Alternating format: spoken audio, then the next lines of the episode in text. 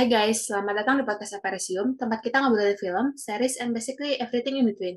Kalau lo baru pertama kali denger, hai, gue Nesa, dan di sini gue rekaman bareng Iqbal. Hai. Halo. Halo Nes. Hai, hai, hai.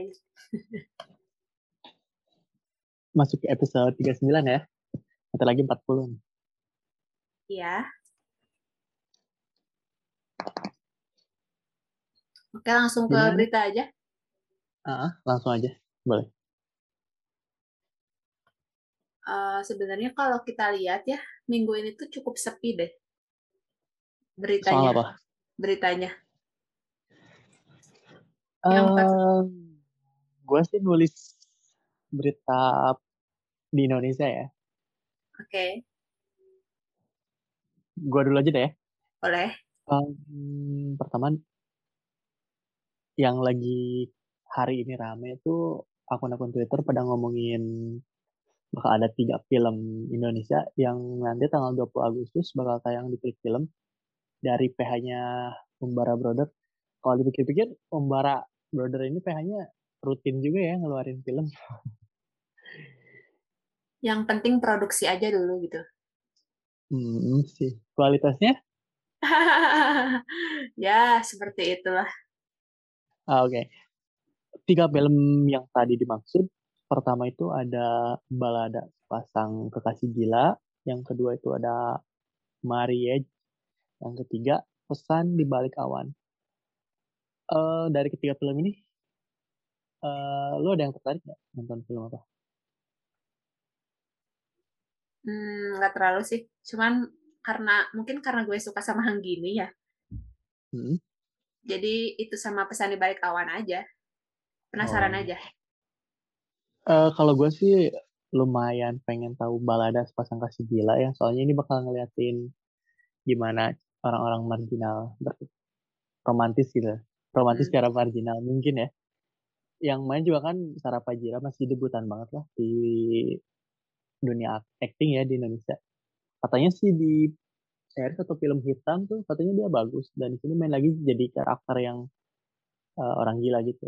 Mungkin menarik juga kalau misalnya bagus eh eh, apa ya eh ke depannya mungkin secara Fajira bisa bikin film yang lebih gila lagi. Jadi aktor yang lumayan lah. Mungkin ya.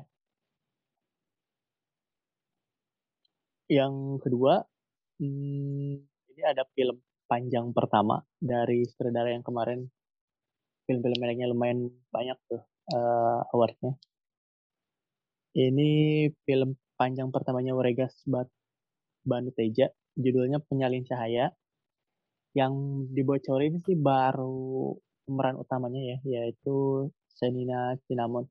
Nggak tahu filmnya bakal kayak gimana dan aktor aktris yang lainnya belum ada bocoran sama sekali. Ini produksinya masih kayak jalan, lagi jalan, lagi produksi tapi sambil ngebocorin dikit-dikit soal filmnya gitu sih. Syutingnya udah beres kok itu. Oh ya, Itu tuh kan ada eh, ada Lutesya, Ci- Ciko Hmm. Kurniawan, hmm, eh, Dea Panendra. Yang gue tahu itu sih. hmm. Tapi belum disebutin mereka jadi siapanya. Oh iya, gue kan langsung follow akun ofisialnya ya. Soalnya kalau di akun ofisialnya baru ngeberitain pemeran utamanya doang sih, Senina doang. Yang lainnya gue nggak tahu. yang terakhir, gue cuma nulis yang terakhir tuh ini sebenarnya series yang udah nggak ditonton lagi sih. Cuman pengen ngeberitain aja kalau Doom Patrol ada season ketiganya dan tayang nanti 23 September. Sebenarnya nggak penting sih, menurut gue juga nggak penting. Tapi ya udahlah karena emang minggunya sepi, gue tuh tulisin aja pertama nambahin. Oke. Itu aja sih dari gue, berita dari gue. Eh, terus ada trailernya Midnight Mass yang bikin kreatornya tuh sama kayak The Haunting. The Haunting of Hill House sama The Haunting of Bly Manor. Karena ngeliat itu kan sama-sama diangkat dari buku juga dan lihat track recordnya si kreatornya keren banget sih, jadi penasaran. Udah lihat belum? Trailernya muncul sih di timeline, cuman nggak pernah gue play. karena itu kan di iming-imingnya akun-akun Twitter uh, nyantumin kalau ini dari kreatornya House gue kan nggak yeah. nonton jadi ya nggak gue play juga sih maksudnya nggak tertarik gitu loh okay. karena gue kan nggak nonton uh, terus ada trailernya Dear White People season 4 nah ini tuh kan jadi final seasonnya. Kayaknya sih bakal sedih gitu. Tapi nggak tahu kenapa si di trailernya tuh justru lebih ke musikal. Jadi beda sama hmm. tiga season sebelumnya. Nggak tahu sih uh, si seriesnya bakal kayak gimana. Cuman kalau di trailernya lebih ke musikal gitu. Jadi cukup hmm, unik aja gitu. Terus ada teasernya Stranger Things season 4 oh iya. Gimana tuh? Um, gue sih nggak bisa nilai ya kalau dari teasernya excited banget sih. Karakter-karakternya udah pada gede banget ya kerasnya.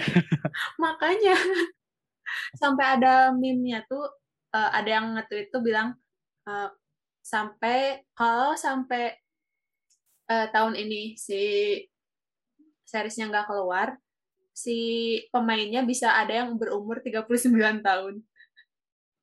Oh iya. ngerti ngerti ngerti. Saking lamanya nunggu gitu. Terus ini yang cukup menghebohkan juga ada case live actionnya Avatar. Uh, udah jalan belum sih? Baru cast doang, ngumumin cast doang. Ngumumin cast ya? Ya. Kalau ya si yang jadi si Eng Engnya emang beneran ya dia anak kecil, dia masih 11 tahun. Terus hmm. yang si Kataranya 16 dan hmm. ya dia uh, apa ya sukunya Indian gitu. Kalau okay. nah yang bikin uh, orang-orang agak nggak suka tuh si pemeran Sokanya karena dia ke satu dia udah uh, eh, 19 tahun, terus hmm. dia orangnya orang kulit putih. Oh, ya nggak menyesuaikan sama kartunnya ya. Kalau yeah. Soka itu kan agak kulit hitam gitu. Okay. Soka sama Katara kan harusnya ya sama lah hmm. mirip gitu kan seenggaknya warna kulitnya ada yang sama gitu ya yeah. kulit kulit itulah orang Asia ya iya yeah. uh, terus si Zuko-nya dia umur 20 tahun nah dia tuh Chinese Indonesian American loh oh iya ada Indonesia nya iya ya kita tunggu deh seenggaknya si Engnya beneran anak kecil ya 11 tahun Uh, ini net Netflix kan yang ada adaptasinya? Iya. Oh, gue sih nggak nggak bisa nunggu ya. One Piece aja soalnya sekarang masih belum ada kelihatan itu. Udah setahun lebih. Ya udahlah, hitungin aja. Gitu. Terus ada berita nih dari The White Lotus tuh akhir katanya mau ada season 2. Jadi bukan limited series. Oh. Mungkin karena laku banget ya soalnya itu tuh berminggu-minggu tuh selalu ke satu di HBO-nya ini yang main Alexander Daddario itu ya? Ya. Uh, lu udah nonton kan ya? Udah. Tapi baru lima episode kan hari uh. minggu baru ada episode uh, enamnya final mungkin kalau udah tamat boleh deh nanti kasih tahu ya gue coba deh sejauh ini gue suka banget sih okay. gue suka sih sama Alexander Daddario. Oke, oke, oke. Udah. Langsung Udah? ke rekap tontonan. Boleh silahkan. Dari siapa? Dari gue deh. Boleh. Um, minggu kemarin pertama nonton langsung nonton setelah rekaman ya malamnya langsung nonton Blade Runner Sky yang dari Netflix itu. Yang ternyata bukan zombie ya itu vampir ya. Iya. Gue sih merasa be ada beberapa banyak kejanggalan sih di film jadi nggak terlalu suka. Gue kasih nilai dua uh, per lima. Lanjut uh, ada Hitman Web's Bodyguard ini lanjutan dari film pertama tahun 2017 kalau sekarang yang mainnya ada Salma Hayek mungkin penambahnya ini gue kasih nilai 3 per 5 lanjut ada satu series Ted Lasso yang kayaknya lu mau nanya sesuatu di sama gue nih. uh, shock aja kayak begitu tahu nilainya. Uh, Oke. Okay. Hmm, oke okay. gue agak sedikit melihat sudut pandang dari orang yang suka bola ya. Ngerasa kalau gimana ya, ini tuh filmnya kan dialog banget ya. Ngerasa agak kurang serius aja gitu. Jadi pengen lebih banyak bolanya gitu. Enggak, maksudnya kalau kita yang udah agak sedikit ngikutin soal bola lah ya. Kalau misalnya pendekatan secara gitu tuh emang ya nggak bakal berhasil sih di dunia nyata gitu loh. Iya, iya, iya, ngerti, ngerti. Ya, gue sih agak sedikit mengarah ke sana ya mungkin karena nggak sukanya tuh karena yang memungkinkan terjadi di dunia itu kayaknya nggak nggak bisa deh kalau kayak gini gitu yang ditampilin di televisi tapi kalau ceritanya apa ya uh, nyambung nyambungnya itu suka sih. Dan tulisnya juga lumayan. Gue nungguin juga sih season 2 nya kalau ada pun pasti gue tonton. Apalagi kan mereka udah promosi ya. Eh bukan promosi. Hmm, bertahan atau promosi gue lupa sistemnya punya lumayan sih lumayan seru dan nggak terlalu banyak dilihatin pertandingannya itu sih yang gue agak sayang. Oke. Okay. Tapi lumayan gitu sih uh, nilai dari gue tiga per lima per tiga koma lima per lima ya. Lanjut itu ada The Tomorrow War yang lu udah tonton juga. Oh ya itu ini mah film tembak-tembakan biasa lah ya. Maksudnya nggak ada yang terlalu spesial banget. Iya. Ini gue kasih nilai tiga per lima. Lanjut ada Kingdom season 1 dan season keduanya. Uh, tamat dalam dua hari karena durasinya pendek-pendek juga. Gue wow. lebih suka season pertama sih. Kalau lu inget lu lebih suka season lebih suka season pertama juga. Okay. sama ya. Karena lebih solid aja sih ceritanya kalau season satu. Terus uh, eh, gue nonton filmnya juga uh, spesial spesial episodenya Asin of the North dari Kingdom Um, gimana ya? gue tuh kan langsung ya nggak pakai jeda nonton Kingdomnya season 1, season 2 langsung nonton special episode Asin ini. Gue ngerasanya kayak beda aja gitu. Kayak beda universe sih. Malahan padahal tuh ya eh, yang diceritain di Asin tuh lebih lebih detail aja gitu asal mula wabahnya itu dari mana dijelasin juga kan kayak gimana. Iya. Tapi gue agak kurang kurang serak aja gitu sama ekspektasi gue dari series King dari series Kingdomnya ya. Setelah nonton Asin, mungkin kalau misalnya Asin ini dibuat seriesnya bisa lebih seru mungkin ya. Gue kasih nilai 2,55. Yang terakhir ada Rono Kenshin, The Beginning yang baru tadi selesai siang ini. Tonton. Itu lumayan sih sebagai penutup dari uni beberapa film Kenshin sebelumnya ini lumayan gue kasih nilai 3 per 5 itu aja sih oke okay. uh, eh, dari gue yang pertama itu seriesnya The Mysterious Benedict Society ini hmm. sumpah bagus banget sih mungkin oh, karena iya. pemainnya kan anak-anak uh, ceritanya itu kan empat orang anak uh, mereka jenius terus mereka berusaha hmm. menyelamatkan dunia gitulah krisis sih sebenarnya. Cuman si hmm. ceritanya hmm. yang selalu engaging gitu. Hmm. Terus si villainnya cukup menarik karena dia tuh kayak ber, saking kontrol freak, freaknya, dia tuh berusaha uh, gimana ya ngeituin berusaha mengatur dunia tuh lewat pikiran kita gitu. Iya. Yeah ya pokoknya intinya si villainnya control freak gitulah. Okay. uh, eh, ini udah fresh banget sih. Apa? Udah tamat? Udah. Kemarin tanggal oh. 8 tamatnya. Hmm, gue udah muncul mulu sih di Disney Plus cuman ini kan ongoing jadi gue nunggu tamat dulu aja. Udah ada rencana nonton sih. Kalau udah tahu tamat pasti gue play tapi jangan mikir kalau yang misteri-misteri yang mikir banget gitu ya. Soalnya ini kan pemainnya anak-anak. Nah, anak-anak ya katanya. Jangan jangan ngarep uh, selevel Sherlock lah, jauh ya. Jangan dibandingin sama itu lah. Oke, okay, okay. Gue kasih 4 per 5. Uh, terus ada film pendek.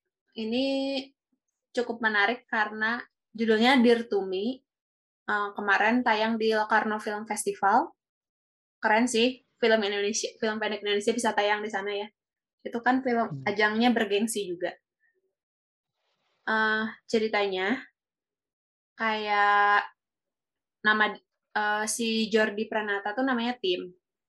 Dia berusaha uh, mengendalikan gimana ya diri, seksualitas, terus agama. Tapi filmnya tuh ceritanya tuh kita tuh gimana ya nggak belum tentu bisa ngebedain kalau itu mimpi atau nyata gitu. Mm-hmm. Cukup membingungkan. Terus uh, filmnya estetik banget lah. Gue kasih 3,5. Terus film lanjut ke film filmnya Aubrey Plaza, judulnya Black Bear. Ini udah pernah gue tonton, tapi karena baru tayang di Mubi, jadi nyoba rewatch lagi. Dan masih sebenarnya masih bingung setelah nonton, tapi okay. ngasih masih ngasih efek yang wow, keren banget gitu.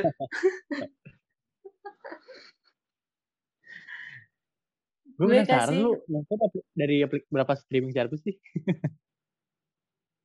Uh, Netflix. Oke. Okay. Udah pasti ya. Nah, Disney Plus. Jadi kayak, kayak wajib ya Netflix. Disney Plus, Prime Free hmm. Video, uh, eh, yeah. HBO, hmm. sam Mubi tuh ini baru nyobain sih. Masih oh, yang gratis. Okay. Uh.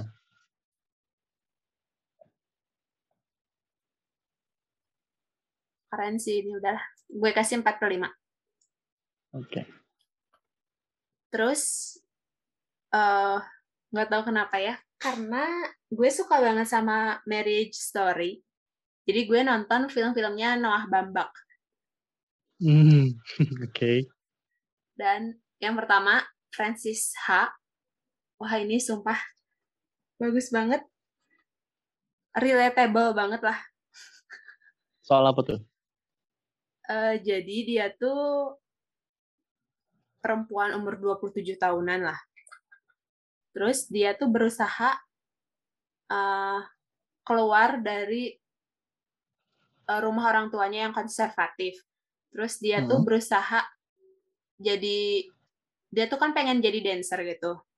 Tapi ya lu tau lah kalau jadi artis tuh bayarannya nggak seberapa kan. Apalagi dia hmm. baru pemula lah jadi hmm. dia terlalu miskin buat hidup di New York. Terus dia tuh kayak uh, merasa ditinggalkan sama sahabatnya yang uh, ya pokoknya sahabatnya pacaran, uh, terus pindah ke Jepang gitu lah. Jadi dia merasa ditinggalkan sama si sahabatnya. Terus yeah. dia uh, roommate-nya tuh bilang kalau dia tuh undateable. dia tuh nggak cocok buat dijadiin pacar sama orang gitu loh ceritanya tuh jadi kayak kehidupan si perempuan yang kayaknya banyak orang relate aja gitu. Berasa nemu emas dong ya? ya. Gue kasih nilainya 5. Wow. Ini harus ada efek tepuk tangan. Oke. okay. Terus uh, gila sih dua film lagi juga Noah tuh kan terkenalnya sama drama keluarga ya. Hmm. Dan film-filmnya juga rata-rata tentang kayak gitu kan. Uh, ya, yang The Squid and the Whale itu juga ceritanya tentang drama keluarga. Jadi uh, itu kan ada dua ayah, ibu, sama dua orang anak si ayahnya tuh pretensius banget, si ibunya tukang selingkuh, si anak pertamanya mirip banget kelakuannya sama si ayahnya, sampai dia suka sama perempuan yang sama mereka. terus si adiknya tuh uh, suka ngomong kasar gitu lah. Hmm. jadi pokoknya tentang kehidupan dinamika kehidupan rumah tangga mereka terus si ayah orang tuanya kan cerai gitu dan gimana efeknya ke anak-anaknya gitu Ya. keren gue pengen nanya nih. Ini kan dari tadi gue lihat eh, dengar sinopsisnya gitu, kayaknya ribet banget ya masalahnya. Ya, berarti kalau lu suka cara penyelesaian masalahnya ini bagus dong ya?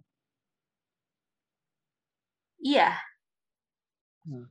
lu kok lu suka nonton eh, udah nonton Marriage Story belum Udah. lu suka nggak gue Enggak jujur ya? aja agak terlalu berat sih. kalau lu nggak suka aja. Marriage Story kayaknya nggak nggak usah nyoba film yang lain Oke. soalnya mirip-mirip kayak gitu gue merasa berat sih nonton Marriage Story. gue kasih 4,5 terus satu lagi masih filmnya Noah judulnya The Meyerowitz Stories nah ini tuh ceritanya masih tentang uh, dysfunctional family yang hidup di Hmm. New York Hmm. Uh, tapi ini udah anak-anaknya tuh udah pada gede gitu lah. Iya. Si ayahnya tuh ayahnya tuh kan dia artis dan dia pretensius banget lah parah. Pokoknya Hmm, dia yep. dia kan punya tiga anak dari empat pernikahan gitu. Si uh, dua anak pertamanya tuh kayak nggak dikasih uh, kayak nggak dianggap ada gitu lah sama si ayahnya. Terus si satu anaknya jadi anak kesayangan. Nah, pas udah tua, si ayahnya tuh sakit-sakitan dan si anak-anaknya tuh kayak berusaha ngejagain ay- ayahnya gitu lah. Tapi ini lebih lucu dibandingkan film-filmnya Noah yang lain. Mungkin karena salah satunya pemerannya si Adam Sandler kali ya.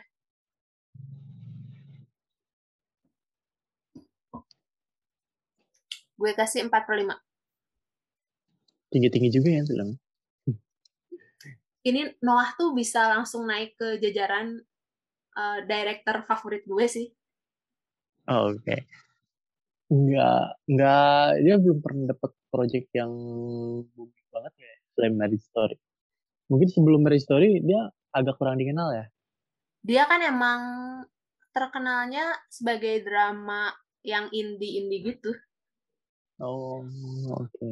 Kalau di kalangan film uh, movie goer indie, Noah Hmm. terkenal banget.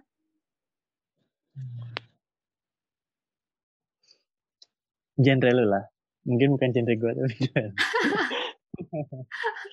selera, selera. Salah selera. Ada lagi, Des? Udah. Udah ya. Itu eh, rekaman film dari kita berdua eh, minggu ini. Sekarang lanjut ke bahas review yang bakal kita omongin. Filmnya sebenarnya eh pasti booming di mana-mana sih. Cuman yang paling sayang itu nggak bisa nonton di bioskop itu sih. Kalau misalnya eh, nonton bisa nonton di bioskop, kemungkinan kayaknya bakal ada tapi mungkin bulan depan dan bu- bulan depannya lagi nggak tahu kapan. Kita Emang bakal udah ada berita bioskop dibuka. Oh, nggak ada sih. Cuman kemarin ada akun bioskop, akun film bioskop, eh, jaringan XX1 itu ngepost soal Suicide Squad. Yang katanya bakal ditayangin tapi nggak nggak tahu kapan sih. ya udah kita bakal ngomongin soal film The Squad yang versi ini jauh-jauh jauh lebih baik dari versinya David Ayer ya. kita bahas dari mananya dulu nih. Eh, dari cerita dulu lah. Oke.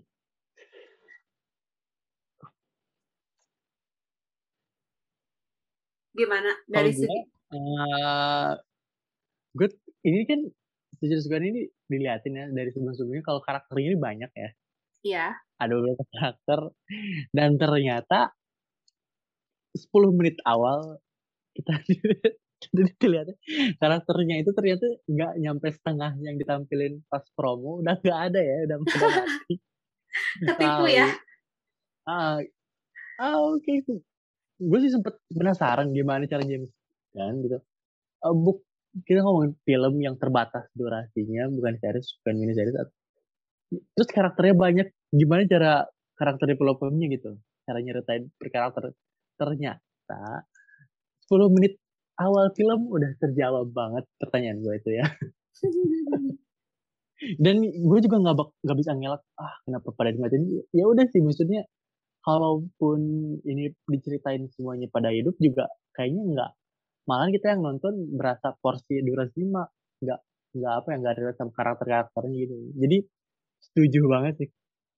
Kenapa alasan tengah lebih karakter yang ditampilkan pas promo itu mati ya udahlah gitu. Ya sesuai sama judulnya kan? Suicide Squad. Jadi benar-benar harus banyak yang mati dong. Iya benar kalau yang versi 2016 kan ah itu terlalu sedikit yang matinya kan? Nah oh, iya. si James Gunn tuh berani banget makanya. Iya. Dan yang mati nggak tanggung tanggung ya Kapten Bumerang. Yang bisa jadi 2016 dia hidup. Oh iya dia tuh katanya uh, musuh bebuyutannya The Flash loh Kapten Bumerang? Iya. Emang setara ya? Justru katanya tuh dia sebenarnya musuh bebuyutannya The Flash. Makanya gue tuh hmm. kaget kok dia di sini gampang banget mati. Jadi penasaran sama hmm. si di film The Flash-nya kan. Emang sekuat apa sih si Kapten Boomerang?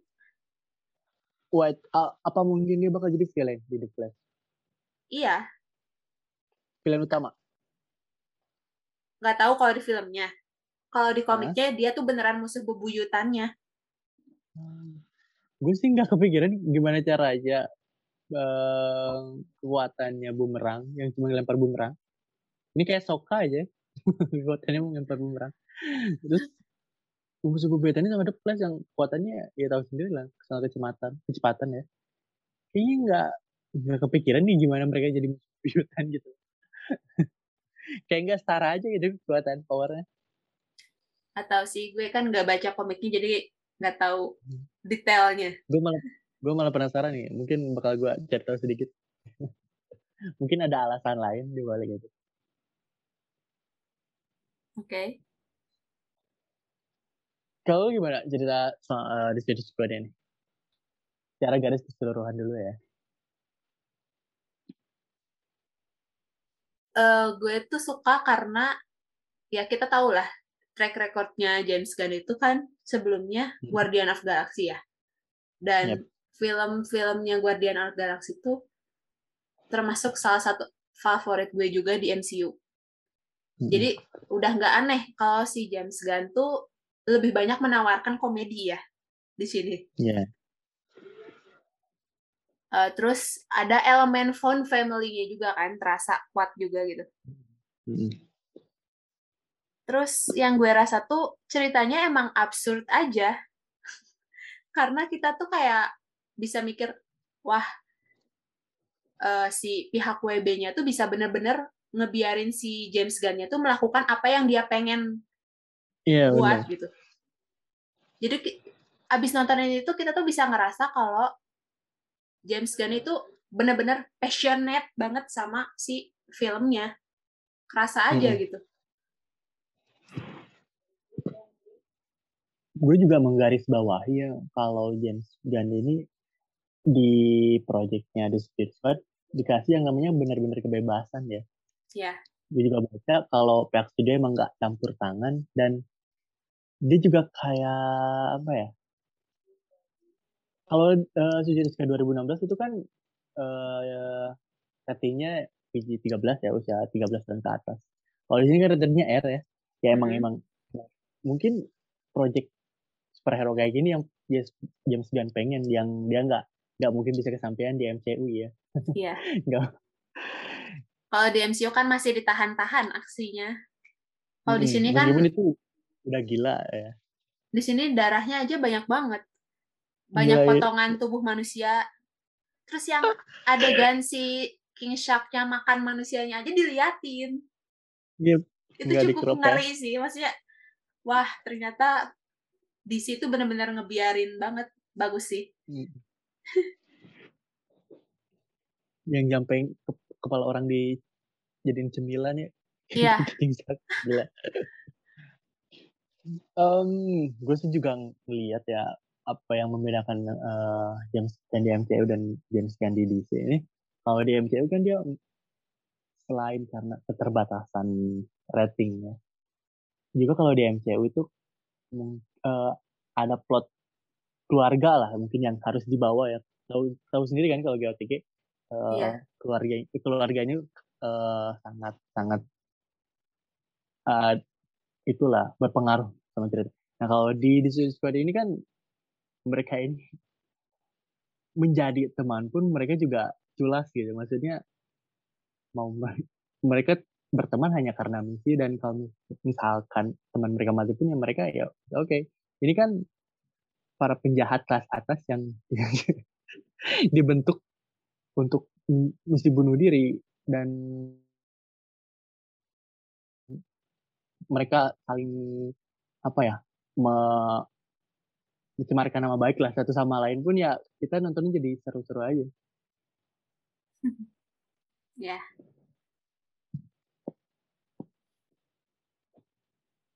Gue suka visualnya sih. Rame banget gitu loh. Meriah, banyak warna.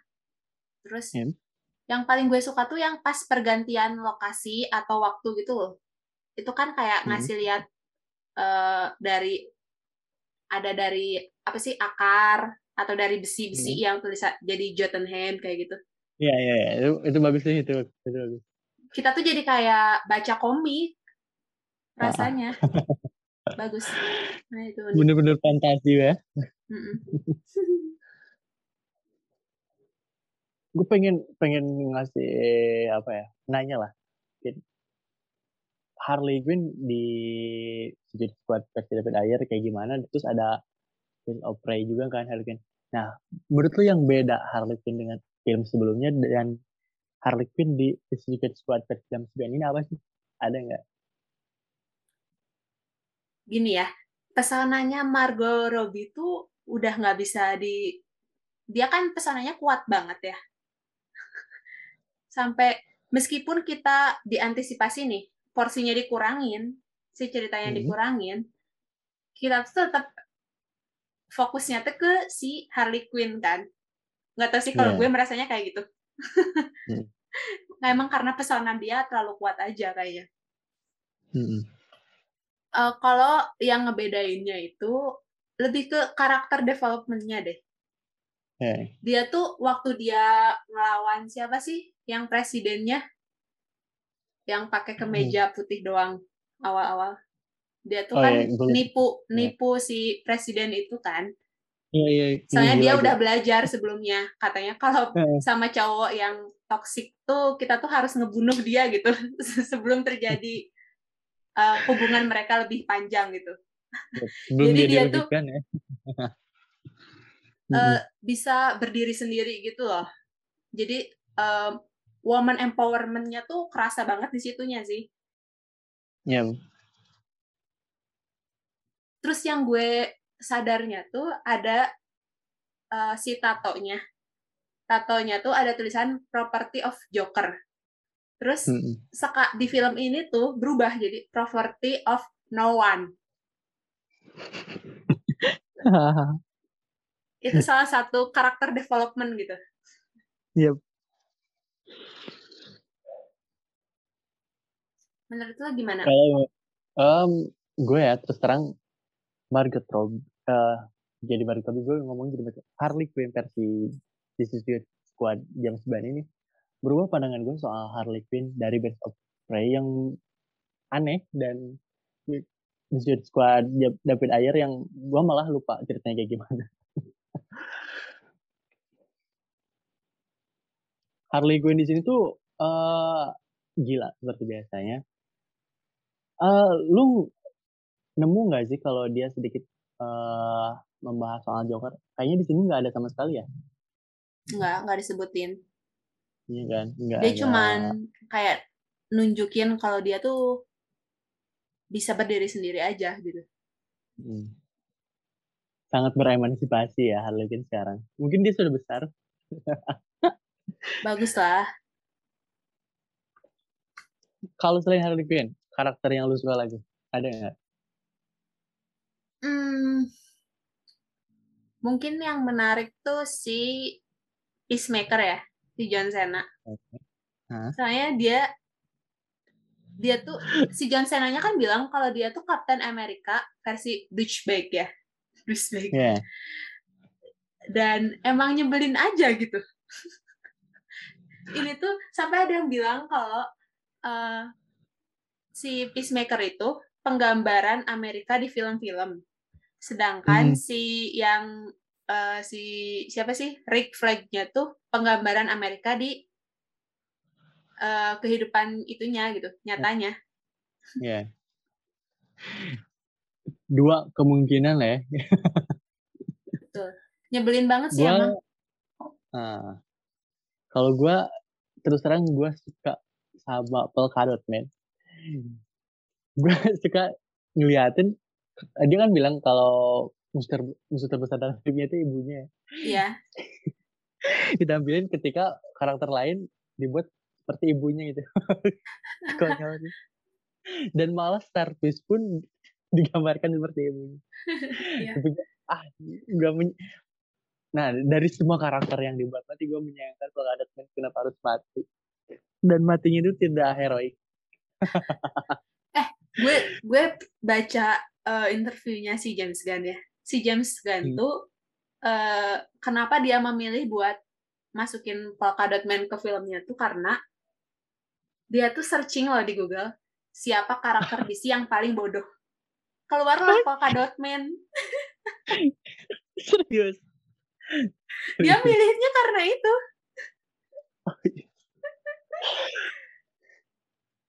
Tapi emang with jurusnya bodoh tapi tapi mematikan gitu. Bagaimana tahu-tahu membunuh. Ya gue sih tadi ngiranya ya gue jurus eh, pertama lihat bahwa kan mungkin hanya menularkan totalnya dia gitu ke orang. Ternyata enggak totalnya itu malah, malah bikin angus orang ya kalau kena totalnya. Itu bener-bener jurus bodoh sih yang gue lihat. Umur-umur nonton. Ayo. Tapi yang paling mencuri perhatian orang-orang tuh si Daniela sama si si Daniela tuh kan red red catcher Iya. sama si King Shark dua ya itulah mereka gue juga suka sih gesternya mungkin karena porsinya lebih porsinya lebih ke drama ya orang-orang lebih Hmm. suka itu mungkin dan dia Hmm. ini, ini tuh debut debut dia di Hollywood loh dia kan artis Portugis Mm-mm. Sebelum-sebelumnya juga kayak film-film Portugal ya? Iya. Dan usianya masih muda, 24 tahun. sudah searching ke sana ya anda Eh, ya biasa lah. Kalau misalnya ada yang agak itu, gua agak follow-follow IG-nya. Em, menurut gue ya, yang tadi lo bilang kenapa Richard ini membawa dramanya ke film ini, mungkin nggak lepas dari eh, karakter Bloodsport tuh. Soalnya kan di sini dia ini diancamnya karena anaknya ya, bukan karena dia yang eh, pembebasan, pembebasan hukuman 10 tahun kan dikurangi masa hukuman. Tapi anaknya yang alasan kenapa si Bloodsport ini ikut. Ya, kalau Red kan dia sebaliknya. Ya mungkin yang dra- sedikit drama yang dibawanya itu bagaimana pembawaan Bloodsport sama anaknya dan ketika di TKP perang dia ngerasa Richard mungkin perlu membawanya yang dia rasain nggak dapet dari anaknya akhirnya dia lampiaskan ke itu mungkin seperti itu. Menurut gue juga eh, jurusnya Richard udah lumayan aneh sih. Ih gue merinding tau ngelihat banyak tikus sebanyak itu Iya, bukan merinding lagi gue gila ini. Serius dan. oh, kalau gue nggak salah inget, Richard Richard ini ayahnya Taika Waititi ya? Iya, iya. bener kan? Ya, gue takut tuh salah lihat, ternyata bener. Oke. Okay. Hanya meyakinkan.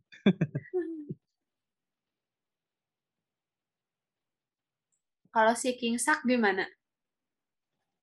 Ah, gue aneh kenapa King Sak ini digambarkan bisa merampas di kayak oksigen ya. kan dia setengah gua, manusia nggak sih?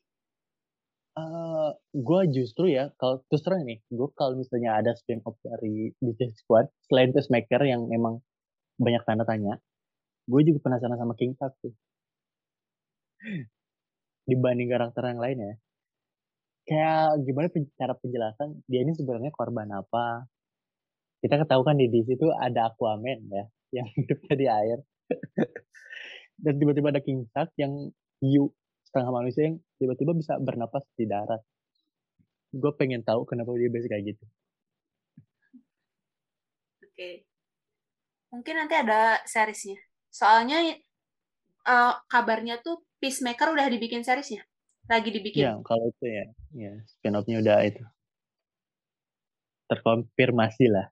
Hmm. Soalnya kayaknya lebih jelas aja. Kalau Kingstar kan kayaknya kita harus meraba-raba deh ceritanya. mungkin, mungkin. Ya. Padahal yang isi juga bukan itu ya. Stellar uh, Silver Stallone. Iya. Yang mungkin ini kayak Vin Diesel jadi Groot ya. oh, iya, iya.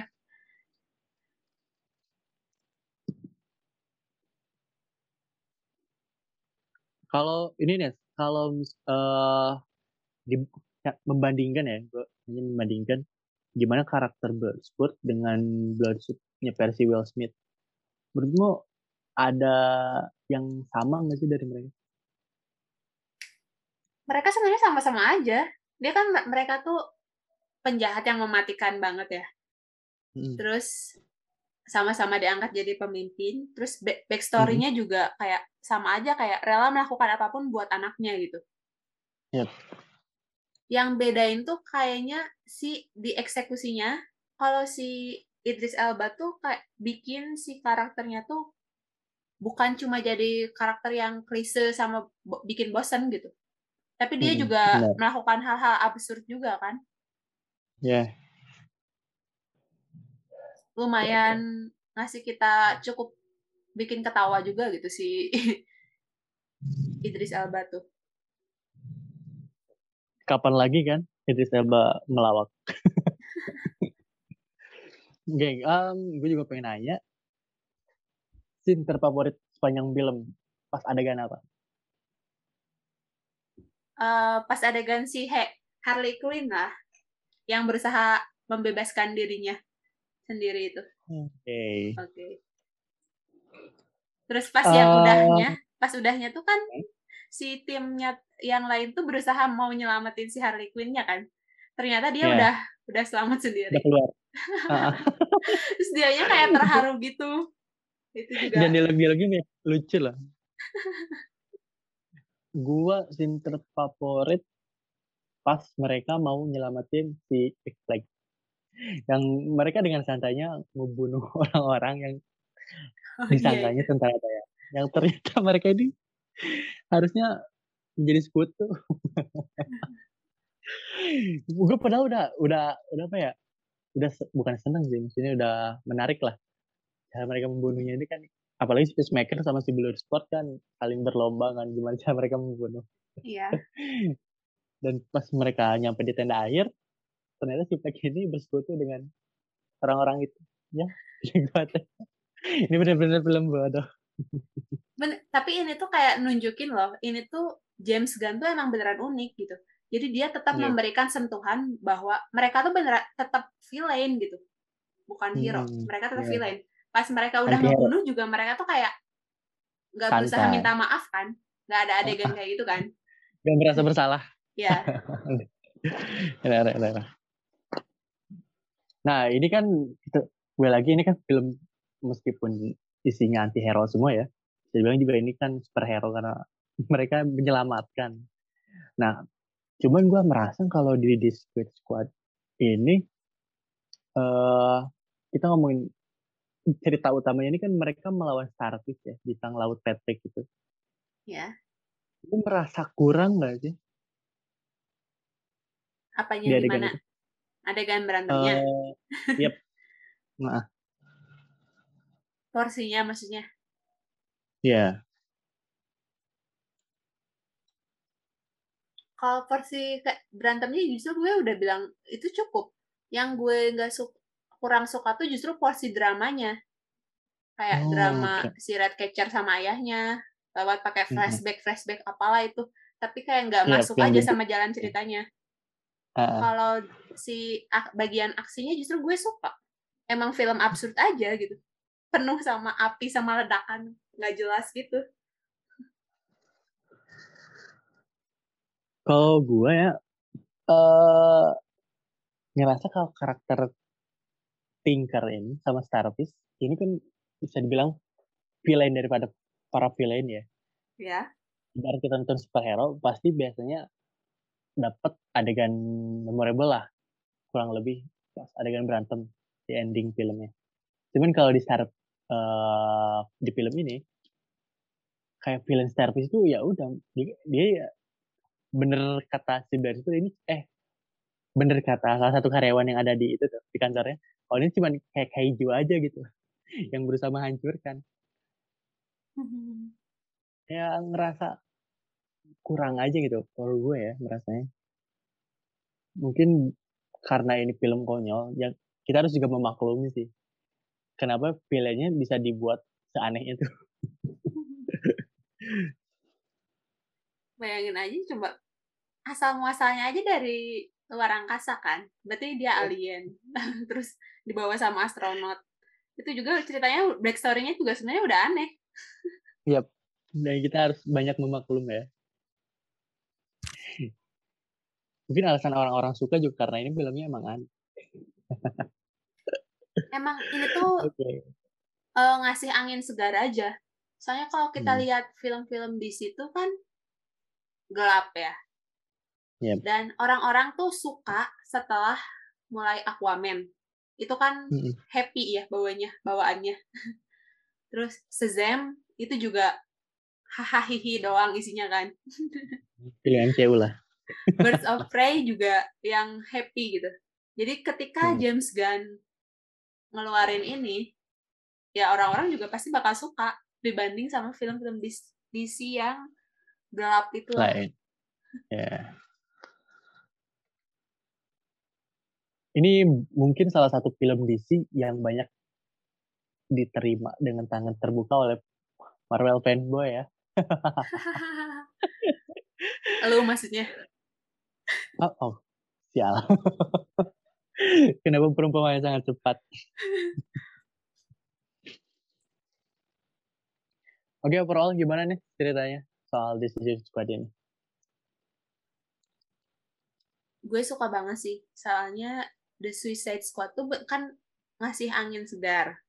Bukan cuma hmm. bagi di CEO aja ya, tapi juga buat film-film blockbuster lain dalam keadaan kondisi kayak gini lah uh, punya aksi yang oke okay, terus banyak hmm. darahnya juga karakternya hmm. juga lovable lah hmm.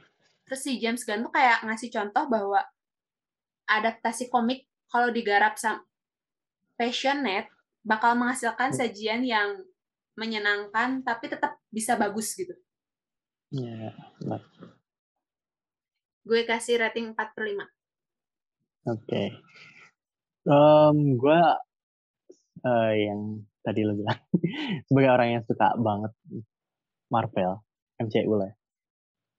Di juga ini bisa banget ditonton tanpa harus menjalankan film DC seperti nonton DC yang lain gitu.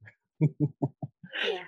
Dan gue justru terus terang kalau setelah nonton DC ini ngerasa kalau sekali aja kayaknya nggak bakal cukup nonton film kayak gitu mungkin rewatch-nya harus dan dua tiga kali setelah nonton ini pun kayaknya lu bakal belum merasa cukup sih. Gimana caranya film ini memang benar-benar menarik perhatian. Gua ngasih nilai 4 per 5 juga. Oke. Berarti kita sama-sama puas ya? Iya, puas banget. Tapi udahlah, uh, James Gunn balik lagi ke MCU. kan emang udah balik lagi? Iya, maksudnya mm, jangan diterusin di universe. Gak apa-apa. Justru ini tuh kayak ngasih petunjuk gitu loh. Kok uh, orang tuh bisa kerja di dua tempat yang berbeda. Dan yang berlawanan ya. Oke, okay, thank you for listening. Gue Nesa pamit. Gue juga pamit. Terima kasih. Bye.